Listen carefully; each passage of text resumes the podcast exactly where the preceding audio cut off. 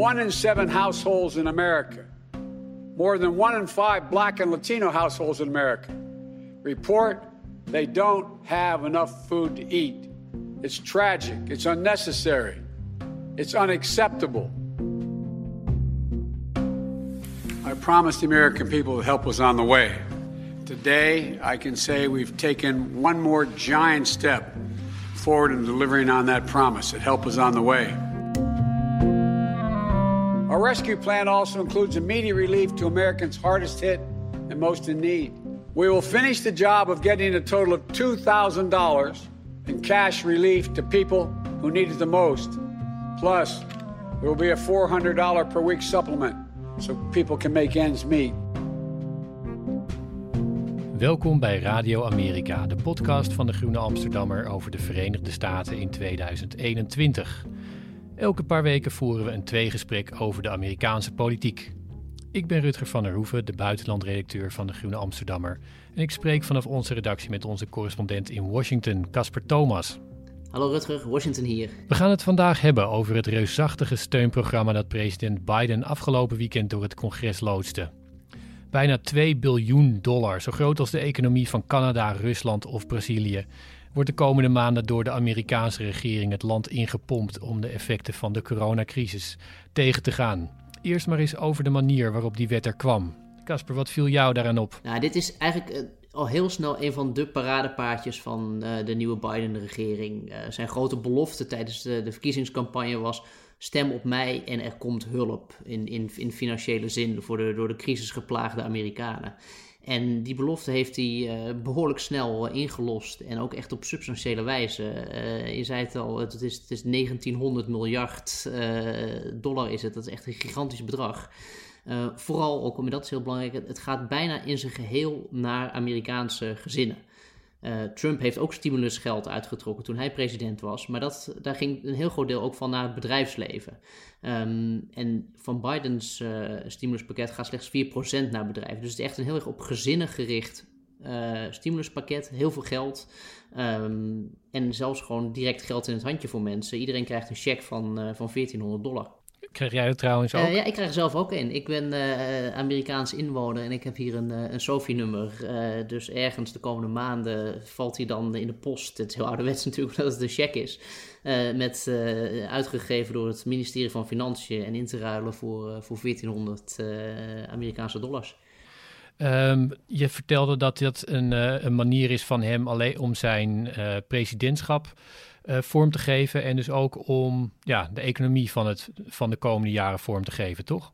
Ja, het is een soort dubbel doel zou je kunnen zeggen, wat Biden doet. Hij zegt aan de ene kant de, de, economie stimuleren, maar, maar via eigenlijk de laagste inkomens. Dus, dus ook hoe rijker je bent, hoe minder je, je, je krijgt eigenlijk van die stimulus. Um, dus door gewoon mensen die echt geld in het handje te geven, wil je eigenlijk tegelijkertijd uh, armoede tegengaan en de economie stimuleren. Uh, en dat, dat doet natuurlijk een beetje denken aan, uh, aan het tijdperk van het New Deal, het presidentschap van Roosevelt, die eigenlijk op dezelfde manier, met dezelfde economische filosofie, dat dubbele doel probeerde na te streven. Aan de ene kant armoede opheffen, aan de andere kant de economie aanjagen. Die analogie die je, die je treft, die wordt ook in de Verenigde Staten eh, gemaakt. Het is ook zo dat Biden daar heel erg uh, duidelijk op lijkt, uh, lijkt aan te slaan. Dus als we even teruggaan naar, die, uh, naar wat Roosevelt deed, er was een hele diepe recessie, de, de Great Depression in de jaren 20 en 30. En Roosevelt ging er tegen met een nieuw plan door heel erg veel geld uit te geven namens de overheid, met name in infrastructuur en loonsteun en, en het creëren van arbeid voor de armste Amerikanen. En daarmee kreeg hij ook die die economie inderdaad aan de praat. En wat, uh, wat Biden nu probeert te doen is heel duidelijk die economie aan de gang krijgen. Maar er is ook volgens mij een, uh, een analogie in de, in de politieke filosofie ervan. Want Roosevelt werd destijds heel erg aangevallen. Die werd, um, er is ook een biografie over hem dat heet A Traitor to His Class. Zo werd hij gezien door rijkere Amerikanen die vonden dat hij hen in de steek liet. Maar Roosevelt wilde er zijn voor die andere Amerikanen. En hij had een, visie op armoede dat, die, dat de, de overheid daarop moest, uh, actief moest moest optreden om die ongelijkheid en die armoede te, te, veranderen. En dat dat niet door een onzichtbare hand kon worden gedaan. Nou, dat is voor ons, dat idee krijgen we al op de middelbare school, maar dat was toen nieuw. En het idee dat, je, dat de overheid moet ingrijpen, dat is ook iets wat, um, wat de laatste tijd weer moet worden verdedigd, zou je kunnen zeggen. Ik had daar, um, dat, dat was met name in die financiële crisis van 2008, kwamen um, uh, progressieve economen steeds weer met dat idee terug. Ik heb hier zelf, trok ik Price of Inequality uit mijn boekenkast van Joseph Stiglitz. En Stiglitz is een van die economen die zegt ongelijkheid wordt niet veroorzaakt in de eerste plaats door economie, maar door beleid en keuzes. Want hoe het werkt is dat kapitaal en rijkdom zichzelf gaat beschermen. En dat is ook wat er in de Verenigde Staten is gebeurd. En volgens mij is het zo dat, dat je in, dat, uh, in het stimuluspakket zie je niet alleen dat, um, dat Biden probeert om de economie aan de praat te krijgen, maar ook dat hij de overheid wil gebruiken om ongelijkheid actief aan te pakken. En dat hij, je ziet er ook aan, dat hij een sterke overheid probeert te creëren die al dat soort dingen kan doen. Omdat dat verzwakken van de overheid, dat is een expliciet doel van, van republikeinse presidenten geweest. Van Bush junior en van, met name van Trump. Ja, nee, dat is zeker zo. Een, een groot deel van dat stimuluspakket uh, is, gaat, is ook geld voor staten uh, die dat gaan gebruiken voor, om onderwijs, uh, voor onderwijsdoeleinden, om scholen mee open te gaan, maar ook om meer corona te bestrijden. En het hele idee is ook gewoon, weet je wel, niet op je handen zitten. Heel snel heel, heel veel uitgeven.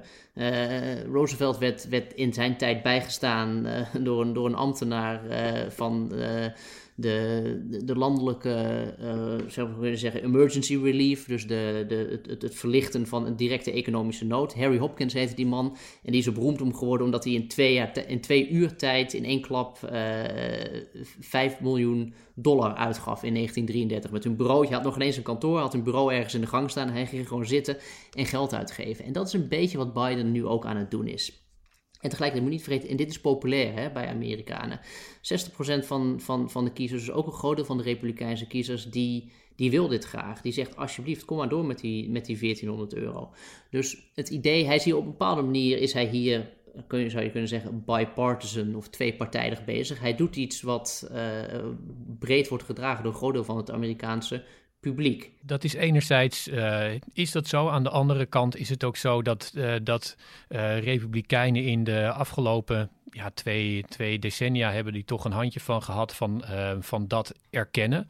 Dat republikeinse kiezers dat, dat ook willen of zouden willen. En toch tegelijkertijd dat invullen op een manier die de politieke doelen dient van de ja, de klasse die toch de Republikeinse Partij het meeste steunt met, um, uh, met geld. En dat zijn toch de, ja, de meest kapitaalkrachtige partijen.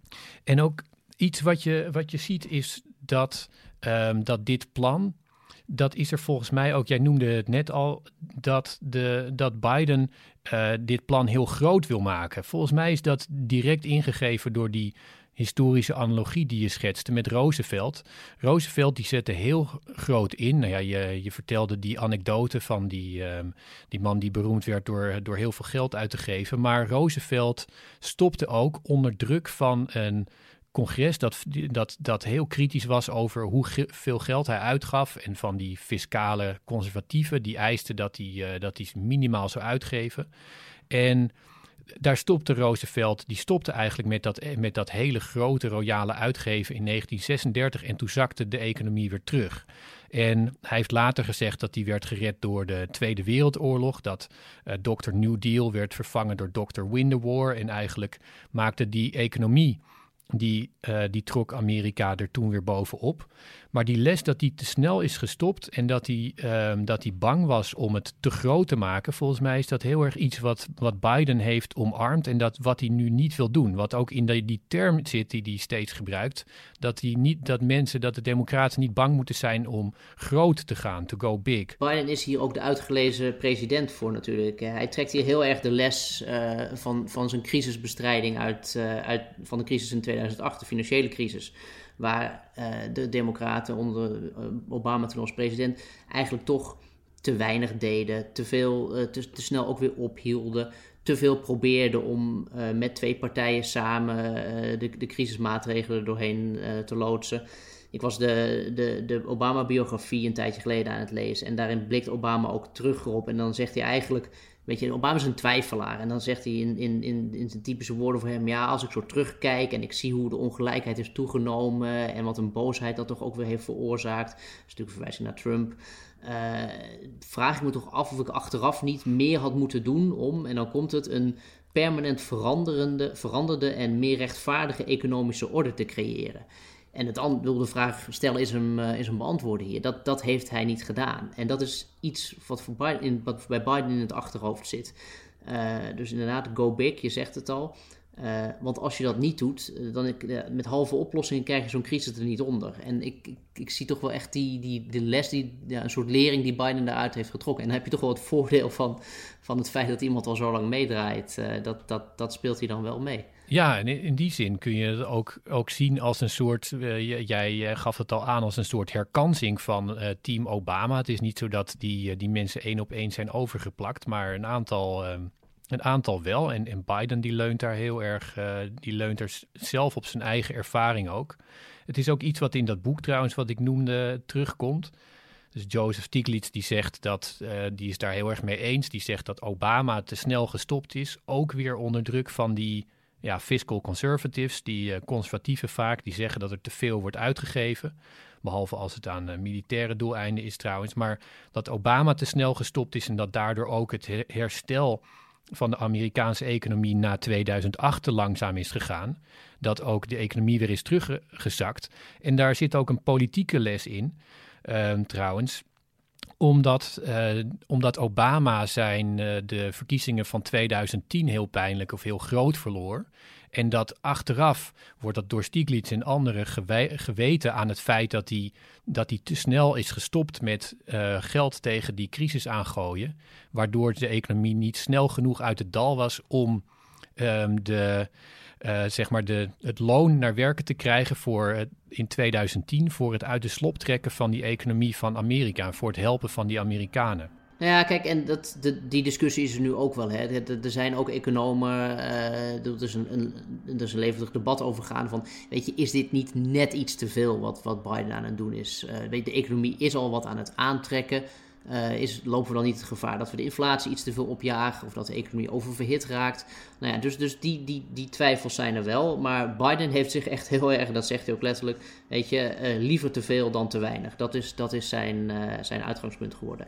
En hij wordt daarin ook wel een beetje geholpen. Bedoel, we hebben het in, in deze podcast over dat, die, die strijd tussen begrotingsdiscipline en, en, en uitgaven van de overheid sinds sinds Roosevelt, stiekempjes is iedereen wel een beetje zo ongeveer uh, van, van het grote uitgever geworden. Ik bedoel, Trump heeft ook een, een stimuluspakket van uh, 2200 miljard uh, doorheen gekregen en daarna nog eens een keer 900 miljard. Dus toen is er ook echt al heel veel uitgegeven. En om je een voorbeeld te geven hoe dat, wat dat betekent voor wat voor economie Amerika eigenlijk aan het worden is op dit moment.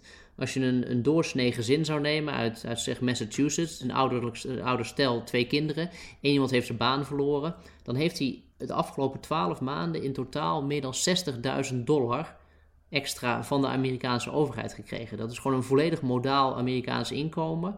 Ja, is twee keer modaal hier in Nederland. Ja, nou, dat is, dus kun je nagaan wat een, wat een enorme bedragen dat is. Dus de, de, het idee van Amerika als een soort land uh, waar alles maar aan de markt wordt overgelaten, dat, is, dat, dat moet je ook echt een beetje bijstellen op basis van dit soort dingen. Op het moment dat de nood aan de man is, op het moment dat er crisis is, kijkt Amerika heel erg naar de overheid en uh, grijpt de overheid ook in, uh, in, in, in de samenleving en, en neemt ze gewoon de regie in handen. Ja, maar daarin... Een, een, Daarin was dit uh, natuurlijk een, een interessant moment, omdat je, je zegt, ja, daar, daar is iedereen stilletjes wel, uh, die is opgeschoven naar die, naar die plek. Uh, Republikeinse stemmers willen ook graag dat de overheid ingrijpt.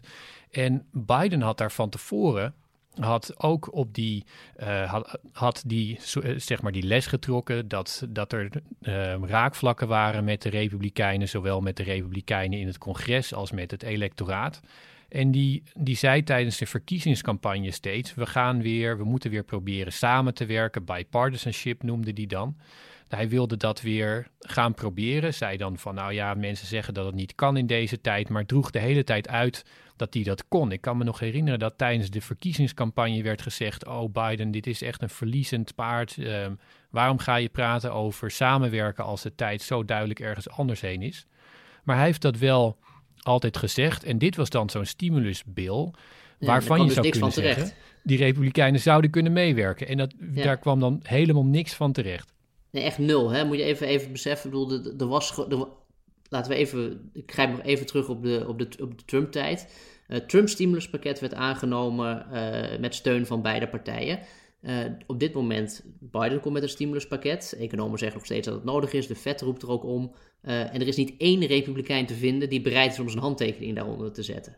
Dus het he de hele belofte van bipartisanship is, is wat mij betreft, uh, en, en, en volgens mij ook dus een beetje wat, wat Obama of wat Biden en de Democraten betreft, is hier, hiermee voorbij. Als op het moment dat er niet eentje, één, één republikein bereid is om mee te doen.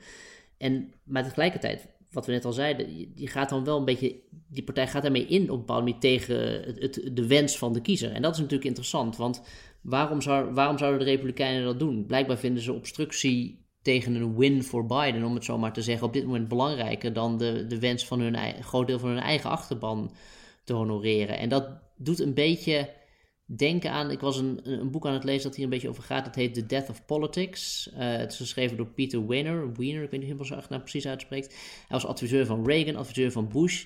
En hij zegt eigenlijk: het idee. Politiek kan niet zonder die compromisvorming en zonder, zonder dat bipartisanship, zonder die samenwerking.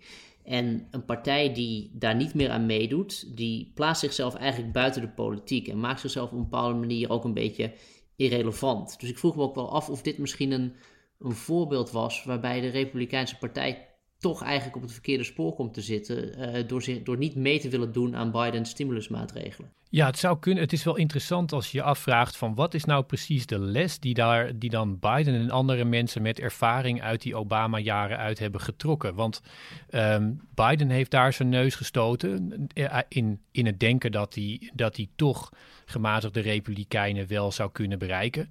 Uh, Clinton heeft daarin zijn neus gestoten. Die uh, zag zichzelf ook als een, als een gematigde democraat die toch in staat zou moeten zijn om republikeinen mee te krijgen. Die twee, de, die twee presidenten hebben heel veel te maken gehad met obstructie. Met name Obama is daar, ehm, heeft daar heel erg veel last van gehad.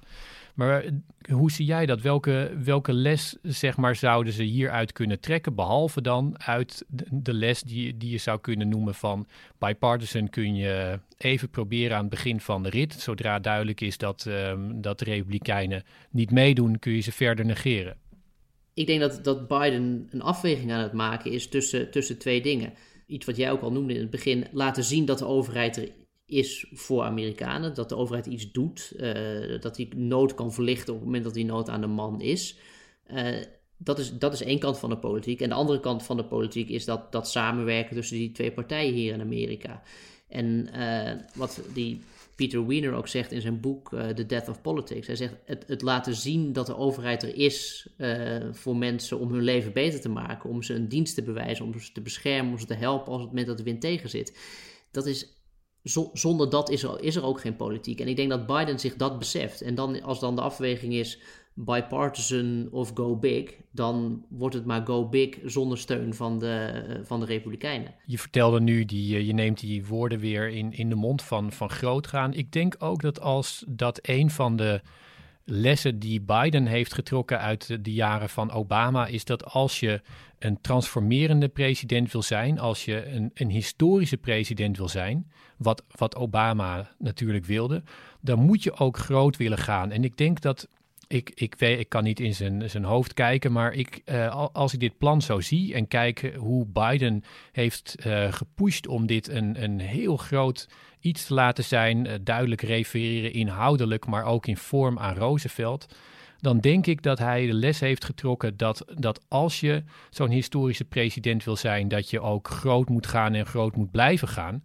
En ik vermoed dat hij, dat hij nog steeds de arm zal blijven reiken naar die Republikeinen, maar ook gewoon nooit zal rekenen op hun uh, samenwerking. Je zag ook dat hij ditmaal probeerde om een uh, twijfelende democraat over de lijn te krijgen en niks heeft geïnvesteerd in mogelijke republikeinen die zouden willen stemmen.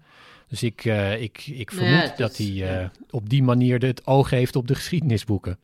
Zeker, en, en, en er lag een republikeins tegenbod van een klein, klein, minder geld, 600 miljard in plaats van, van, van 1900. En daarvan heeft de Biden-regering gezegd, ja, dat, dat is veel te weinig. Uh, dat, daar, daarmee helpen we te weinig Amerikanen. En, en er gebeurt hier echt wat. Hè? Uh, het is uitgerekend ongeveer 30 miljoen Amerikanen worden met dit stimuluspakket uit de armoede getild. Uh, ik noemde net al die, die tienduizenden dollars die Amerikanen krijgen, hebben gekregen de afgelopen maanden. Een derde daarvan komt uit dit stimuluspakket alleen. Dus er wordt echt uitgegeven. En wat we nu moeten gaan zien, en dat is, dat is iets voor de toekomst, op twee punten. Gaat het inderdaad de, eh, economie in Amerika aanjagen? Uh, klopt die, die calculus van de Biden-regering? en vooral klopt de politieke calculus? Wordt hier ook uh, populair daarmee? Is dit goed voor de Democraten straks in de midterms? En dat, nou, dat is iets dat, we, dat moeten we nog gaan zien. Ja, en een, iets laatste wat ik nog zou willen toevoegen daaraan. Iets wat, wat, waar we in het begin van de podcast over hadden. Het is dus niet alleen zo, volgens mij, dat Biden hiermee de economie wil aanjagen en dat hij het wil doen op een manier die hem politiek over anderhalf jaar, als de volgende verkiezingen alweer zijn, um, die, die voor hem positief uitpakt. Maar ook dat hij wil gaan proberen om iets fundamenteels te veranderen in de economie van de Verenigde Staten. En in de ongelijkheid die de huidige economische opzet um, stimuleert en, uh, en in stand houdt. In die zin een poging volgens mij om een, een transformatie in uh, economisch gebied in gang te zetten. En ja, daarvan moeten we dan ook natuurlijk over langere termijn pas uh, kunnen we zien of dat werkt. Ja, ik denk, ik ben daar iets minder, ik zie dat iets minder snel gebeuren. Want het is, dit is ook een hele korte termijnwet. Hè. Dit geld is in september is het allemaal weg en op. Dus dan moet er weer nieuwe politieke strijd worden geleverd uh, voor, voor, voor de volgende ronde eventueel. Um, ik, ik zie het toch als, voornamelijk als een soort transformatie van niet zozeer de economie, als wel gewoon de, de, de rol van de overheid ten opzichte van, van mensen. En gewoon heel simpel, op het moment dat je te weinig hebt, zorgt de overheid dat je genoeg hebt. Of daarmee de diepe Amerikaanse ongelijkheid ook verdwijnt, dan moet je ook een, eh, dan moet je met ook het belastingstelsel aanpakken. Dan moet je de, uh, de, wat bedrijven moeten afdragen en wat ze vervolgens moeten teruggeven aan werknemers. Nou goed, al dat soort dingen, dat, dat, dat is een, een, een grote vlechtwerk. Maar goed, misschien is dit een begin daarvan. Dat, dat, dat zou heel goed kunnen. Uh, en, en onderwerpen genoeg in ieder geval voor Radio Amerika ook om te blijven volgen. Ja, ik hoop dat die gematigde Biden zeg maar, zich toch in die, in die richting blijft ontwikkelen. En uh, we gaan dat inderdaad zien, Casper. Wij gaan vinger aan de pols houden in ieder geval. Radicaal op leeftijd, dat is, dat Radicaal is op leeftijd. Dus, hey, dankjewel. Goed. We bellen weer. Zeker. Dag. U luisterde naar Radio Amerika, een podcast van de Groene Amsterdammer.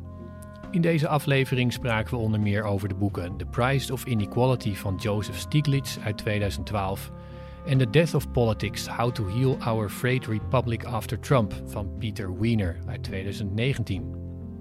U hoorde Rutger van der Hoeven en Casper Thomas. De introtune is van Blue Dot Sessions en de podcast werd gemaakt door Bert Terhoeven. Als u deze aflevering interessant of goed vond, dan kunt u ook de vorige afleveringen terugluisteren. Die staan allemaal nog online. Later in de week is de reguliere podcast van de Groene Amsterdammer er weer en over een paar weken is Radio Amerika terug. Wilt u meer van ons lezen of abonnee worden van de Groene Amsterdammer? Ga dan naar www.groene.nl.